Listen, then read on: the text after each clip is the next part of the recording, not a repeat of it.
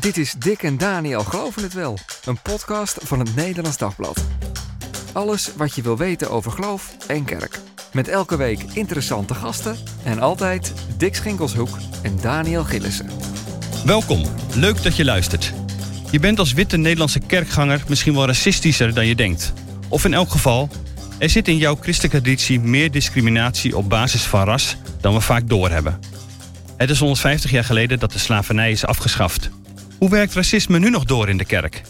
Daar gaan we het over hebben met jongerenwerker Godwin Arin, die strijdt tegen racisme, en Eva Mabioje, auteur van het boek God is niet wit. Welkom beiden. Dankjewel. Leuk dat jullie er zijn. Dankjewel. Ja, want uh, talloze gifmeerde kinderen zijn opgegroeid in het verleden met de kinderbijbel van Anne de Vries. Kennen jullie die, die kinderbijbel? Nee, deze specifieke nee, ik niet. Ook niet. Nou, dit is, uh, ik denk wel dat zeker uh, de, wat is het, in geïnformeerde hoek, zeg maar, het een ontzettend uh, populaire kinderbijbel is geweest. Ik denk dat het al zo'n beetje voorbij is, maar ik denk dat heel veel luisteraars hem absoluut zullen, zullen kennen. En Anne de Vries vertelt op een gegeven moment, als een zondvloed heeft plaatsgevonden, hè, dan begint Noach, die begint een wijngaard en die drinkt dan veel te veel van zijn eigen wijn. Die valt dan stomdronken in slaap. En in de tentopening vertelt Anne de Vries dan, dan verschijnt een citaat, grote donkere man. En dat is de zoon van uh, Noach, Gam. Nou, Gam maakt dan zijn vader belachelijk. Ik parafraseer maar even, anders is het, veel, het duurt het allemaal veel te lang. en uh, die krijgt daarvoor een straf. En dan vertelt Anne de Vries, Gam werd vervloekt. Hij en zijn nakomelingen zouden de knechten zijn van de andere volken. En in de eerste druk van 1939 staat zelfs Gam, de boze Gam, werd vervloekt. Hij en zijn nakomelingen zouden de slaven zijn van de andere volken. Ja, die gramtheologie, hè? Is dat deze manier van denken? Ja. Slavernij van uh, zwarte door witte mensen die zijn baas heeft in de Bijbel. Dit de laatste druk van Anne de Vries, die dateert uit, uh, uit 2003 en wordt dus ook nog wel uh, gelezen. Hoe, hoe komt dit bij jullie over? Dus ook nog wel iets wat nog in, in gebruik is en wellicht nog aan, aan Nederlandse ja, tafels wordt gelezen voor kinderen. Anne de Vries staat nog bij mij in de, in de boekenkast overigens. Ja, ik, ik, ik schrik er wel een beetje van. Um, en dat heeft ook echt meer te maken met dat ik heel vaak van mensen de vraag krijg: ja, heeft, staat er iets in de Bijbel over ja. racisme of over uh, discriminatie of over uh, echt het verschil in huidskleur? En dan, um, ja, vaak moet ik heel lang zoeken. Maar als ik dit zo lees, dan uh, zou ik bijna denken dat het zo hoort. En dat, ja, dat het ook zo door, door God neergezet is. En dat zijn wel dingen die ik, um, die ik wel moeilijk vind. Als ik, als ik kijk naar mm -hmm. de realiteit, is het gewoon iets wat heel pijnlijk is. En vooral als hij ook beschrijft dat Gam een zwarte man was. Dus dan is het eigenlijk alsof je uh, vanuit een bepaalde oogpunt ook de Bijbel zou hebben geschreven. Ook vanuit bepaalde kennis en bepaalde denken. En dan was het misschien voor degene die het geschreven heeft, was het toen de tijd ook normaal om zo te denken. En dat lees je dan wel terug. En ik geloof niet dat dat de plan en de doel van God uh, geweest is voor ons. Nee. nee, want er staat ook verder helemaal niet in het verhaal dat Gam een donkere, grote, wat is het, grote, de grote donkere man was. Ja.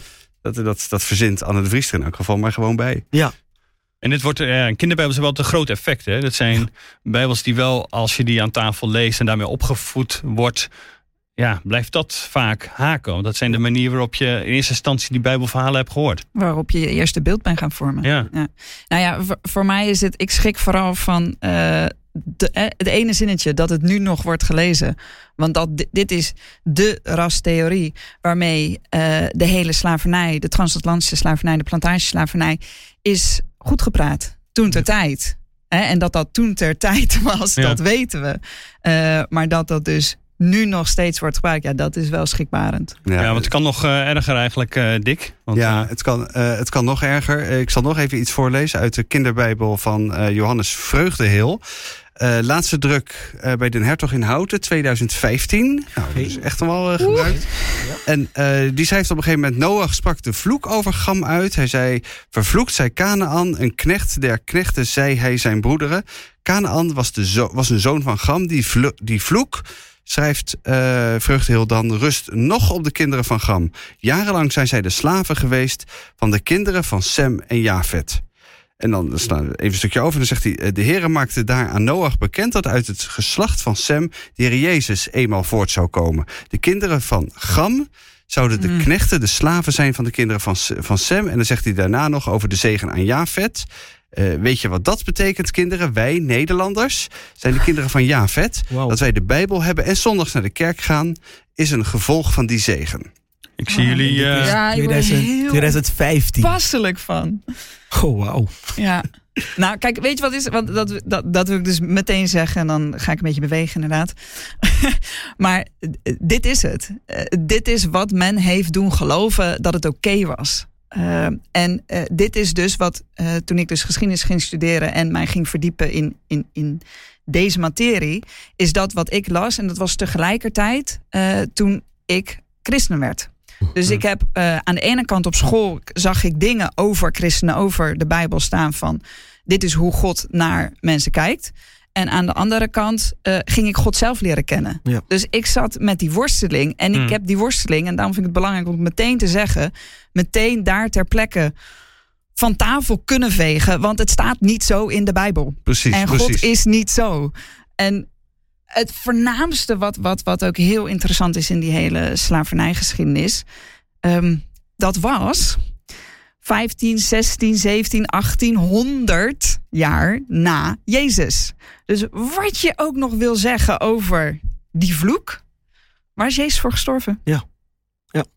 Ja, en dat is, als, als ik kijk naar, naar ehm, hoe ik ben opgevoed met het christendom, dan ben ik eigenlijk echt opgevoed met, met hoop. En dat Mm. God er voor iedereen is. En dat ehm, de Bijbel niet zomaar zegt, ga erop uit en maak alle volken tot mijn discipelen. En dat, dat je de verhalen van Paulus ook leest. En dat hij het heeft over de mysterie van het evangelie. En dat hij op een gegeven moment ook praat over, hij wil de eenheid vormen tussen Joden, niet-Joden, Grieken, Mm. niet-Grieken.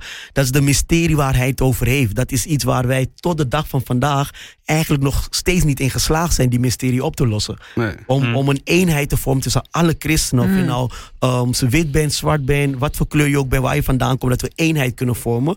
En als ik dan dit zo hoor, dan kijk, ik heb een, echt een aantal vrienden die gewoon, die zijn het zat om over dit onderwerp te praten. ja. Want ze, het, het, ze lezen dit soort dingen ook en ze kunnen er heel boos om worden. Ja. Want je zal denken, ik maak dit buiten de kerk misschien mee. En buiten het christenen, buiten de, buiten de vier muren. Mm. Um, als ik ergens solliciteer en die wordt aangenomen omdat ik eh, een niet-Nederlands klinkende achternaam heb, zou je nog denken, nou dat is buiten de kerk en buiten die vier muren, buiten het geloof. Dus je zou bijna kunnen zeggen dat is de wereld. Dus ik begrijp het wel dat hun zo denken. Ja. Maar als je dat zelf binnen de kerk meemaakt en binnen het christendom, ja, Ja, dat is ja. best wel pijnlijk. Mm. En dan vraag je jezelf af, vooral als christen, waar moet ik dan nog heen? Ben ik überhaupt veilig of moet ik dan wel dus per se naar een kerk waar alleen maar mensen van, van mij, mijn soort zijn, mijn kleur zijn? Of kan ik ook bij een kerk waar ik andere mensen tegenkom en mag dat en wordt ook geaccepteerd? En dit brengt toch wel heel veel vraagtekens daarbij. Ja. Ja. En ik ben nog wel voorstander van hierover blijven praten en nog steeds echt wel die Gelukkig, daarom zit je hier. Hè? Ja. Want anders komen we er ook Ja. niet. En Mhm. Ja. Ja. Als we kijken naar de afgelopen eh, eh, jaren, dan zie ik toch wel dat er ook wel christenen zijn die heel erg hun best doen om dit wel op te lossen. En Ja. wel samen Ja. door. eh, Ja, Ja. maar het is ook maar net wat je hebt meegemaakt. Want ik hoor ze ook, die geluiden. Ja. Eh, eh, en dat Van mensen kan die moe zijn, bedoel je? van mensen die gewoon die pijn binnen de kerk te veel Ja. hebben ervaren. Ja. En dan Mhm. gewoon moe van de kerk worden. Eh, en gewoon naar buiten stappen. En Ja. zelfs zeggen van, hé, hey, op mijn voetbalvereniging heb ik het niet. Dus wat heb je Ja. nog in die kerk te zoeken? Nee, want daar is je shirtje belangrijker dan, eh, je bijvoorbeeld. huidskleur. Bijvoorbeeld, ja. Ja. Ja, dus Ja, dat is wel even goed, Eva, wat jij net zei over dat, eh, dat het is echt onzin natuurlijk, hè, die hele gam, gamtheorie. Ja. Ja, want leg, dat even uit. Ja, precies. Ja, absoluut. Om dat gewoon even, Ja. even vast te stellen. Want waar ook komt dit vandaan inderdaad, eh, Dick? Want het, is natuurlijk een, eh, het blijft een soort iets wat, wat, wat een deel blijkbaar zo in, in de christenen zit... dat ze denken dat dit waarheid is geworden. Ja, nou, het, het is. is. het is echt, dit is wel de, de ultieme rechtvaardiging achteraf, zeg maar, van de praktijk die gewoon al lang bestond. Ja. De, eh, de, eh, de slavenhandel. Het, het staat helemaal niet op die manier in de Bijbel. Maar even twee dingen te noemen. In de Spaans wordt dus niet Gam vervloekt, maar Canaan wordt Mhm. vervloekt. Daaruit blijkt al, daar zie je al helemaal dat conflict dat, dat dan later ontstaat tussen de Israëlieten en de Canaanieten. Het is een heel lokaal conflict. Die zaten natuurlijk samen op datzelfde stukje grond. En daar, nou ja, dat was natuurlijk, dat was natuurlijk een probleem. Dat is al het eerste. Dus het gaat helemaal niet over, over zwarte mensen die, die, die een vloek zouden meekrijgen of zo. Ik bedoel, met de beste wil van de wereld kun je dat er gewoon niet Ja, in lezen. koppeling van gam en zwart heeft, heeft geen enkele... Nou ja, dat is dan nog inderdaad nog het tweede. Eh het is maar zeer de vraag of je zomaar de zonen van Noach op, op, op, wat is het, op Ja. volken van Ja. vandaag kunt, Ja. Kunt plakken. wat je zag gebeuren net in die, eh, wat je net eerder voorlas uit die, eh die kinderbijbel van Vreugdeheel, zeg maar. Waar een Ja. soort zelfde Europeanen, Javet. Precies, Europeanen zijn dan. Javet. En nou ja, dat is natuurlijk hi- historisch eh, aantoonbaar. Is, is, zit dat klik. duizend keer complexer dan... Ja, eh, Ja, en dat dat zou is- eigenlijk dan betekenen dat er niet eens hoop is voor iemand van kleur. Nee. Ja. En het gekke is, ik weet niet of jullie dat gezien hebben, een tijdje geleden was er een onderzoek gedaan dat de allereerste Nederlanders, die waren waarschijnlijk dus zwart met blauwe ogen. Ja. Dus als wij zelfs zo ver teruggaan, dat betekent dat er ook geen hoop is voor Nederlanders. dus dat- Lach er maar om, ja. ja, het is... Het is eh, dus ik, ja. ik, het, is, het is een hele aparte theorie. Ja. Ik, ik, eh, Ja. ja. Nee, maar het is, het, is, het is gewoon echt letterlijk bedacht om iets goed te Precies, praten. ja. Ja. Mhm. En dat, is, en dat is wat ik, toen ik dus christen werd, eh, wel merkte van de Bijbel is zo vaak misbruikt. Ja. Want de, het is gewoon makkelijk te interpreteren en het is ook dan weer historisch. Vroeger lazen natuurlijk mensen zelf die Bijbel niet. Mhm. Dus het is wat ze opgelegd kregen door dominee, priester, noem het maar op. Degene die daar op dat moment de leiding had. En een bepaald doel daarmee wilde bereiken. Nou, dat kon gewoon toen Ja. heel makkelijk nog.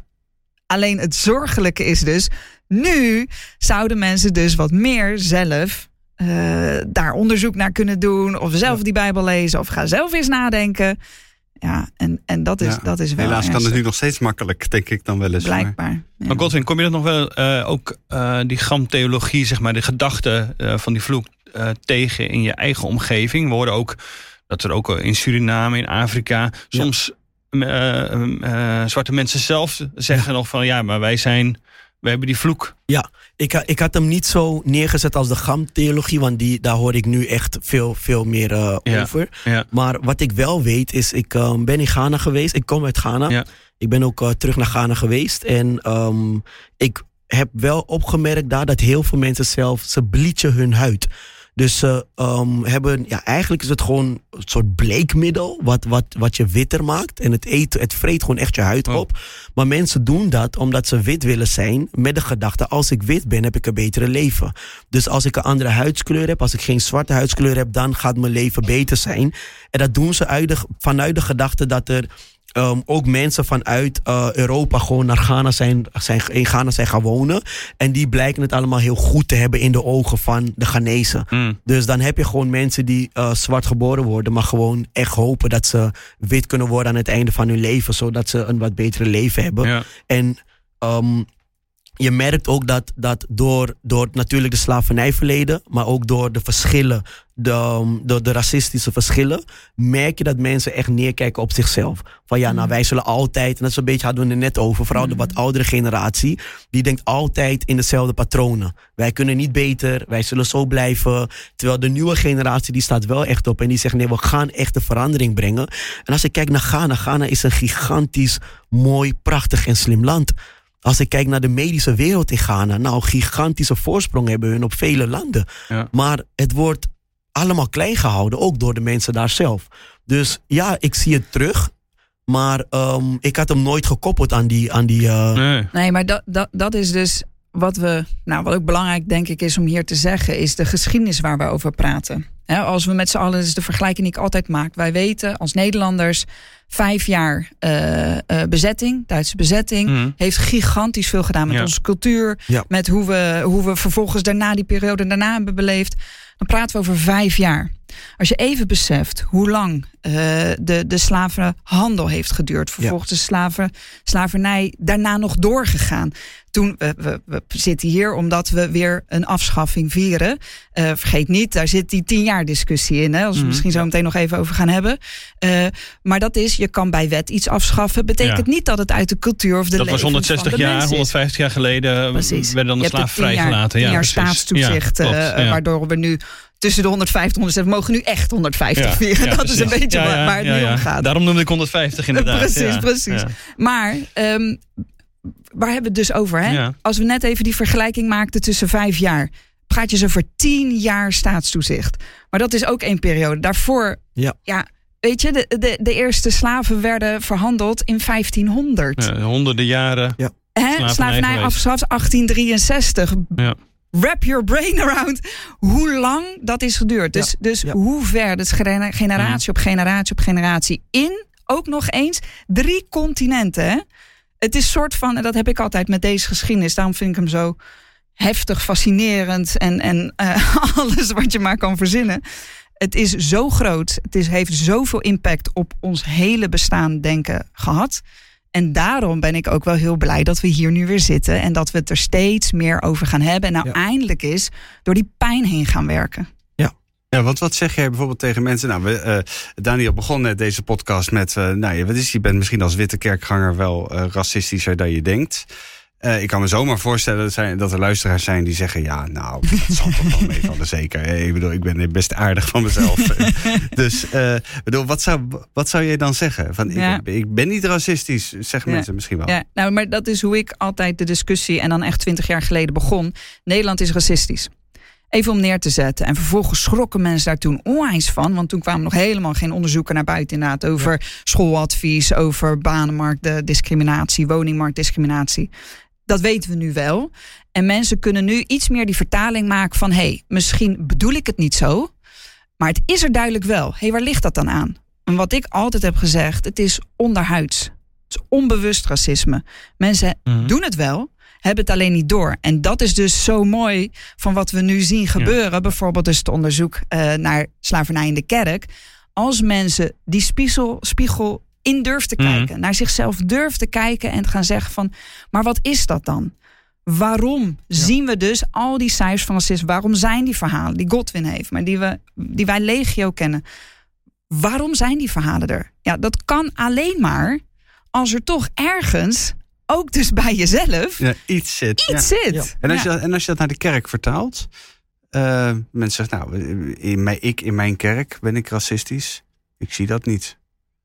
Ja, ik, als ik kijk naar, eh, naar de kerken, dan denk ik, ik kan niet per se aanvinken van oké, deze kerk is racistisch, deze is racistisch. Nee. Nou, Nee. dat, dat geloof ik ook Nee. niet dat kerken zo erin staan. Maar wat je wel merkt is omdat we inderdaad in een cultuur leven waarbij je als witte Nederlander veel meer voordelen hebt dan een zwarte Nederlander of een Nederlander van kleur en van maakt niet uit welke kleur, merk je toch wel dat je ehm, dat het jou misschien wat makkelijker afgaat dan dat het mij afgaat. Alleen dat, dat vertaalt zich soms ook terug in de kerk. Een simpel voorbeeld is dat ehm, ik krijg soms wel de opmerking: Oh, wat spreek jij goed Nederlands voor iemand met een kleur? Mm.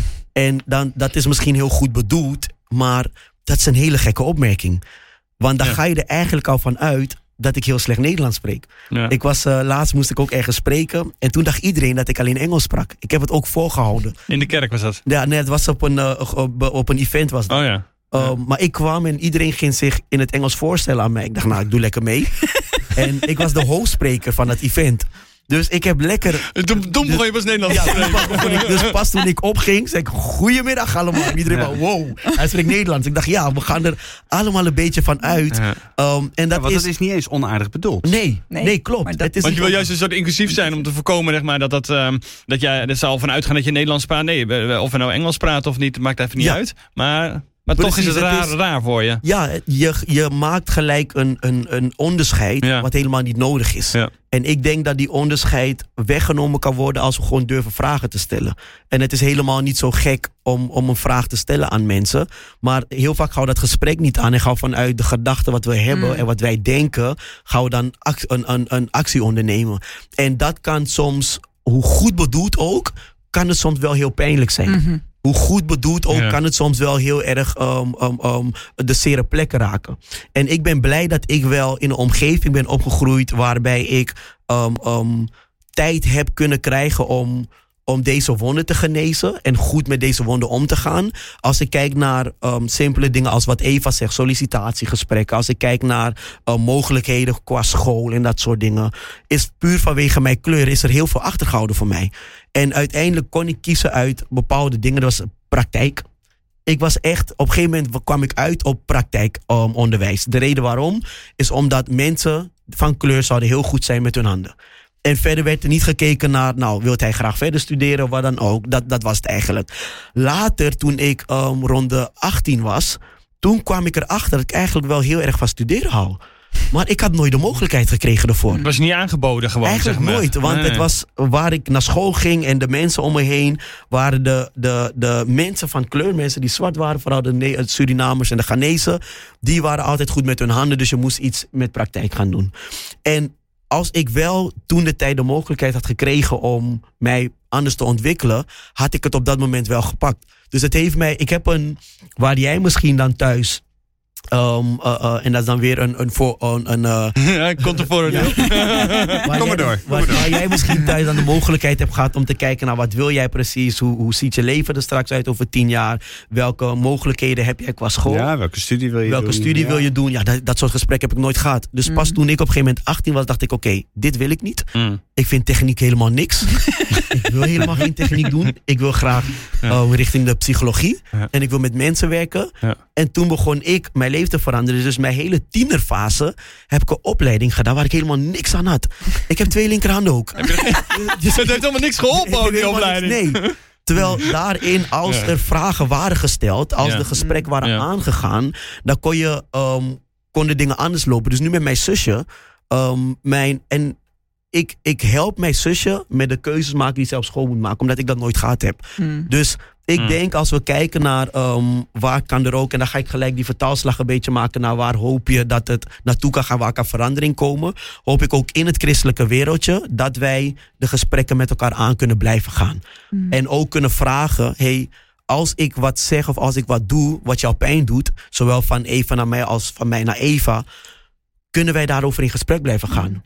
Dus vragen stellen hoor ik je zeggen. Ja, Niet zo Maar- snel denken, maar... Juist. Maar wat, wat, eh, ben er even dus toen ervan uit werd gegaan dat jij wel Engels sprak. Had je het ook niet heel raar gevonden als ze hadden gevraagd, spreek je Nederlands?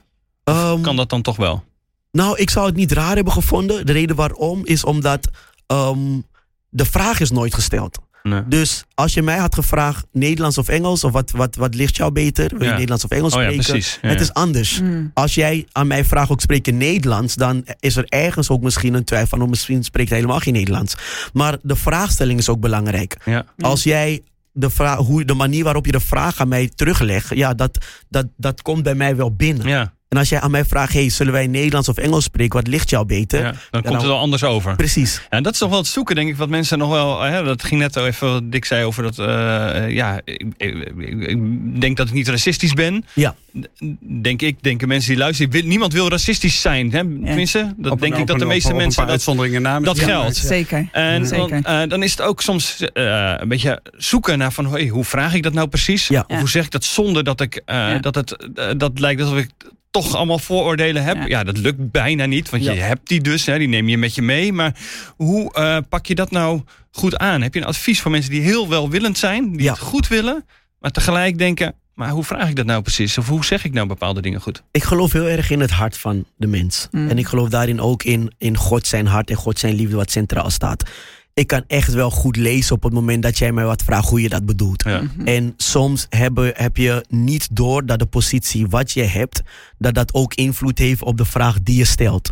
Dus dat neemt ook soms als witte Nederlander, als witte broeder, dat je ehm, goed moet bedenken dat er soms wel een verschil is, of verschil kan zijn, ook op plekken waar we komen. Als jij bij mij thuis komt en je zegt tegen mij, spreek jij Nederlands? Ja, het is, je bent lekker bij mij thuis. Dus als ik op dat moment voelt het ook heel anders dan dat ik bij jou thuis kom of bij jou op kantoor kom en ik eigenlijk ook de gast bij je ben. Dan is mijn vraag, hoe ga je met je gasten om? Ja. Als iemand te gast is, ja dan, als we naar de Bijbel kijken, als er gasten kwamen, waren de mensen zo nederig in het ontvangen van hun gasten. Ja. En ze gingen met hun gasten zelfs om als koningen.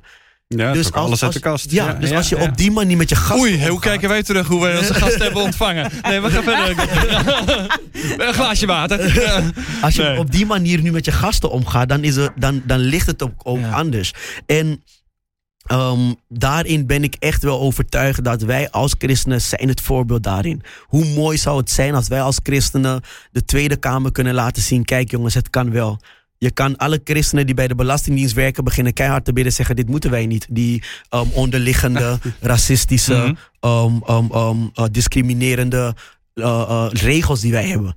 Hoe mooi zou het zijn als iedereen die een christen is, die daar werkt, gewoon opstaat en zegt: hey, we moeten echt wat hiermee doen.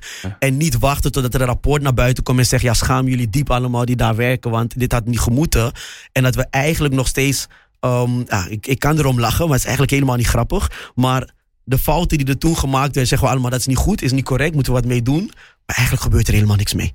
Om vervolgens weer te horen dat er een organisatie opgezet wordt die wat mee gaat doen. En ook binnen die organisatie Ja. is, kom je tegen dezelfde problemen aan. Dus Ja. ik denk gewoon als christenen hoop ik dat wij kunnen opstaan. Of het nou op het werk is, of het nou um, in de kerken is, waar we ook zijn. Wij moeten onze licht schijnen. Ja, maar ik denk ook, we moeten heel, heel goed beseffen hoe diep geworteld het is. Ja, dat onderhuidse. Ja, Ja. en dat je het gewoon echt zelf niet doorhebt. En het, het vervelende is, ik heb het ook wel eens genoemd als eh, zachte heelmeesters maken stinkende wonden. Waarom? Als wij denken van, nou, we praten hier even over en dan is het klaar. Nee, dat gaat hem niet worden. Die wond is diep, die wond is nooit goed verzorgd. Want als je het ook weer vergelijkt met bijvoorbeeld eh, eh, de Reconciliation, Truth and Reconciliation Committee in eh, Zuid-Afrika. Ja. Hoe diep, diep, diep ze door het stof zijn Na de gegaan apartheid, ja. na de apartheid inderdaad, eh, eh, om ja, weer samen verder te kunnen. En dat is nog steeds gigantisch moeilijk en onmogelijk. En ook daar weer praten we over jaren. Maar wij hebben zoiets nooit gedaan. We zijn er misschien nu heel voorzichtig stapjes aan het nemen. Maar wat ik zeg, het is heel voorzichtig, het is nu pas. Dit moet nog even door. En dan moeten we echt, in iedereen zou dat moeten doen, diep in die spiegel kijken. eh, en besef Hmm. van, hé, hey, wat is mijn rol hierin? En wat kan ik anders of beter doen? Want ik vind ook, ja, Godwin legt het heel goed uit over wat het dus eh, kan betekenen. En, en, en die vraagstelling eh, ten over, eh, spreek je Engels of Nederlands? Maar vergeet ook niet, iemand die dus met de huidskleur van Godwin Nederlander is, hoe vaak moet hij zichzelf nog Ja. bewijzen dat die Nederlander is? En iedere keer weer. Ja, er wordt in eerste opnieuw. instantie niet, of niet, eh, niet altijd van uitgegaan. Terwijl je bij een witte Nederlander wordt er altijd van uitgegaan. Dus wanneer Ja. ben je Nederlander? Ja. Hè? En, Ja. en nou ja, die merk ik ook. eh, ehm, bij mijn man eh, sta ik ernaast en dan eh, wordt hij ook in het Engels eh, aangesproken. Oh ja. het, is, het, is een heel, het is een klein ding waarvan Ja. je zegt van... ja, maar ik bedoel het toch niet slecht, maar even omgedraaid. En dat is dus wat we dus moeten gaan leren doen. Hoe is het voor die ander in zijn of haar schoenen? Ja. Ja.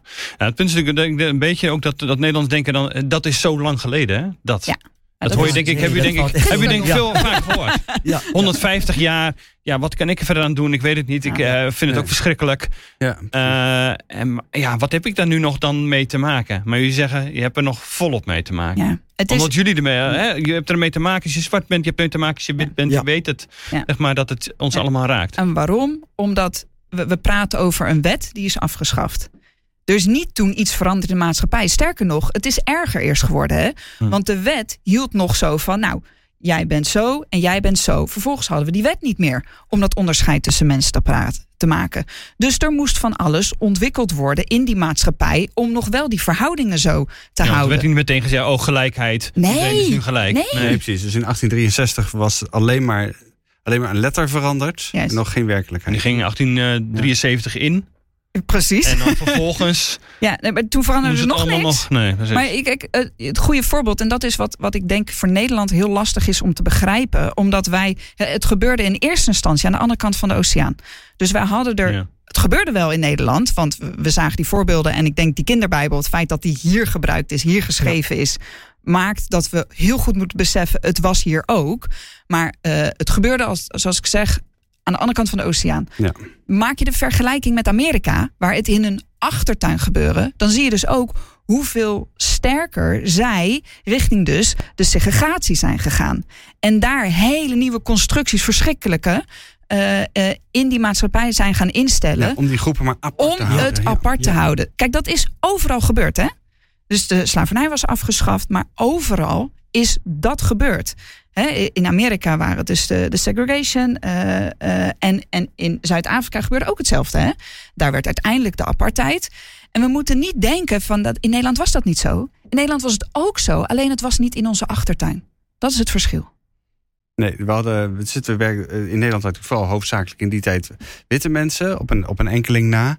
En ja, die, die hadden daar verder niet zoveel mee te maken. Ik denk ook dat de eerste lezers van Anne de Vries helemaal niet zoveel zwarte mensen tegenkwamen in de jaren, in de jaren 30. Dat maakt natuurlijk ook verschil. Nee, en dan moeten we dus ook bedenken, het werd dus daarna wel steeds meer. Hè? Dus eh, nou ja, een, eh, zeker grote eh, eh, eh, steeds meer migratie eh, eh, bij de onafhankelijkheid van Suriname. En zodra migratiemogelijkheden beter werden, ook weer dus rechtstreeks vanuit, eh, vanuit Afrika. Ehm, en op een gegeven moment werd het steeds meer. Maar we zijn nooit terug naar die geschiedenis gegaan om te kijken van hoe heeft dat ons denken veranderd over Ja. die ander. Ja. Dus die maatschappij die is zich verder gaan ontwikkelen. En nu leven we wel samen, maar we hebben nooit iets gedaan aan het denken over elkaar. Ja, en, het, en ik vind dat wel grappig over het denken. Ehm, ik maak, dit maak ik heel veel mee, maar eh, als, je- als je luistert of als je ehm, meekijkt op dit moment, ik wil even een kleine test doen. Als je je ogen sluit en je ziet voor jou. We doen nu allemaal even onze Ja, ogen dicht. voor de dicht. mensen die, eh, die, die niet via als je aan het rijden bent, niet je ogen dicht doen. Maar als je lekker op de bank zit, even ogen dicht. En zie voor jou een wit gezin, een man, een vrouw, twee kinderen en een zwart kind erbij. Dan vinden wij dat vaak heel normaal. Ja. Want dat is waarschijnlijk dan, wie zijn de, oude, de, waarschijnlijk de opvoeders van het kind. Ja. Zie voor jou nu op dit moment een zwart gezin met twee zwarte kinderen, hun eigen kinderen, en twee witte kinderen erbij. Doe je maar open. Ja. Het is voor ons niet normaal om dat beeld zo te zien. Ik ben een pleegvader van vier. Ja, want je beschreef jouw, jouw eigen situatie. Ja. Ik ben een pleegvader van vier kinderen. Um, en ik heb één biologisch kind van vijf maanden. Maar ik heb drie witte Nederlandse jongens. Hm. Weet u hoe vaak ik de vraag krijg als ik buiten op straat loop? Of dat de kinderen eigenlijk de vraag krijgen: gaat het? Ben je alleen? Heb je hulp nodig? Ze kijken nooit naar jou Ze als... kijken nooit naar mij als nee. Of ik ga naar de dokter en de dokter zegt dan tegen mij: wil je thuis doorgeven dat hij deze medicatie twee keer per dag moet slikken? Dus Nee, zei, nee, nou, ik- dat, Ja, dat, dat kan je ook aan mij vertellen. Ja. Of, ja, nou, ik zeg, ik neem het wel mee. Ik zou het thuis doorgeven. Dus dat geef ik aan mijn vrouw door. Maar Ja. Ja. het is zo gek dat die denkwijze Ja. voor ons heel normaal is aan de ene kant en aan de andere kant niet. En wat Eva zegt klopt inderdaad. Het, ga, het neemt echt tijd om die denkwijze te veranderen. Maar we moeten ook gaan accepteren dat bepaalde dingen die wij denken dat normaal is, Mhm. niet altijd normaal is. Of dingen die wij niet normaal vinden, wel kan en ook wel normaal is. Dus daarin ehm, denk ik echt en geloof ik echt, als wij eh één, de gesprekken blijven aangaan, als we niet stil Mhm. blijven hierover, Mhm. maar echt de gesprekken blijven aangaan, inderdaad echt elkaar en onszelf in de spiegel kunnen aankijken. En ook gewoon eerlijk kunnen zijn met, oh ja, maar misschien denk ik soms als ik buiten loop en ik zie een groep eh, zwarte jongens of Marokkaanse jongens, word ik bang? Voel ik, voel ik een angst of voel ik, wat voelt er, wat gebeurt er bij mij? En kan je dat ook benoemen bij jezelf? En op het moment dat je dat doet, dan ben je eerlijk naar jezelf. Want vaak doen we dat niet. En dan zeggen we, schuiven we het heel vaak op, ja maar... Kijk, we, als we kijken, er is een piramide, de racistische piramide, die ehm, helemaal bovenaan Ehm, ehm, als je kijkt naar, eh, staat, er, als het goed is, um, ontweet, nee, helemaal beneden staat ontwetendheid. Dat is eigenlijk de grootste groep, die is heel ontwetend. Ja. En onwetendheid wil niet per se zeggen dat iets niet zo is. Mhm. De Bijbel zegt dat door gebrek aan kennis vergaat het volk. Dus als wij bepaalde kennis niet hebben of bepaalde kennis niet opdoen, zullen we altijd in die onwetendheid blijven. Dus als we de geschiedenis uitzoeken, en dan ga ik toch nog even een, een bocht maken daar naartoe. Maar de geschiedenis bijvoorbeeld van Sinterklaas en Zwarte Piet. Vaak blijven we in onwetendheid en zeggen we het is een traditie. Dus we komen niet aan. ja. Maar die traditie Ja. heeft echt zijn oorsprong vanuit slavernij. Ja, zoek het niet uit zeg maar, waar het vandaan komt. Maar gewoon de traditie van de afgelopen tien jaar. Want veel verder wordt er dan niet gekeken, bedoel je? Precies, Ja. Terwijl als je kijkt naar degene die de eerste Sinterklaasboek heeft geschreven, dat is geschreven in een tijd waar het normaal was dat de knecht zwart was. Ja. Hm. En als hij zegt, zijn knecht staat te lachen en roept opeens toe. Ja, of dat, dat woordje knecht was echt vergelijk, was gelijk regelrecht aan een zwarte slaaf. Ja. Dus dan hebben we het niet alleen over jouw leuke traditie, maar we hebben het op dit moment vooral over de oorsprong ervan is gewoon niet, ehm, het is niet bijbels. En als christen kan je daar dan niet achter staan. Want Nee. als, als, ik geef dit voorbeeld altijd. Als er aan mij wordt gevraagd, Godwin, welke tradities heb jij afstand van genomen vanuit de Ghanese cultuur? En ik vertel over allemaal tradities die niet bijbels zijn. Dan klappen alle witte Nederlandse broers en zusters voor mij en zeggen: Heel goed dat je dat hebt gedaan, want je bent afstand, je hebt afstand genomen van je tradities die Oh, niet ja. bijbels zijn. Maar mag ik dat ook van jou vragen? Kan jij ook afstand nemen van jouw tradities die niet bijbels zijn? Ja. En durf je dus überhaupt naar te kijken? Ja, want dat, zelfs dat is natuurlijk dan al misschien heel lastig. Want het is nu eenmaal onze traditie. En in dit geval onze Nederlandse traditie. Waar Ja. dan eh, dingen in zitten die niet goed zijn. Ja. ja. Ja. Maar, dat, eh, maar wat ik ook bij, bij, bij veel, veel, eh, veel witte kerkgangers ook wel, wel proef, is ook een soort eh, schuldgevoel van ik moet hier iets mee. Dus die ergens die, die onrust, zeg maar, die misschien inderdaad wel dat die onwetendheid, die, die begint er een beetje af te gaan. Ja. Oké, blijkbaar is er dus iets en ik voel me daar schuldig over en het is niet oké. maar wat, wat moet ik nu? Ze doen? moeten ons inhuren voor een hele mooie training. Die hebben wij laatst gegeven. Wat kosten jullie? Daar praten we later over. nee, maar dat is, eh, eh, dat is ook weer zoiets. Ik, eh, steeds vaker komt bij mij de vraag van... hey, eh, wij willen hier iets mee, inderdaad. Nou, dan heb ik legio voorbeelden van wat we kunnen doen. Maar nou, we hebben hem samengegeven. En wat zo ontzettend mooi was... eh, was ten eerste... eh, we waren eerst in een kleine zaal geboekt. Toen werden we naar een grotere zaal geboekt... want er waren zoveel aanmeldingen. En ten tweede, aan het einde van die, van die training zat iedereen echt van. Ik dacht dat ik al best wel veel wist, maar wat wist ik weinig. Ja. En, en ook wel heel van. Ik weet dat ik er iets mee moet. En nu weet ik ook wat ik ermee kan. En ik wil nu verder. Ja. Dus echt Kennis gemotiveerd. zet aan tot actie. Ja. Absoluut. En, en, en ook heel erg een gevoel van, ja, wat ik ook heel erg merkte toen, is van nu is wel het moment. Ja. Dus diezelfde mensen, eh, die waren misschien tien jaar geleden echt nog niet daar waar ze nu zijn. Maar ook omdat de samenleving verandert. Dat hun kinderen, dus we hebben het heel erg over generationele dingen ook nog gehad vandaag. eh, want daarin, we, we zien wel heel erg een hoop in de nieuwe generatie.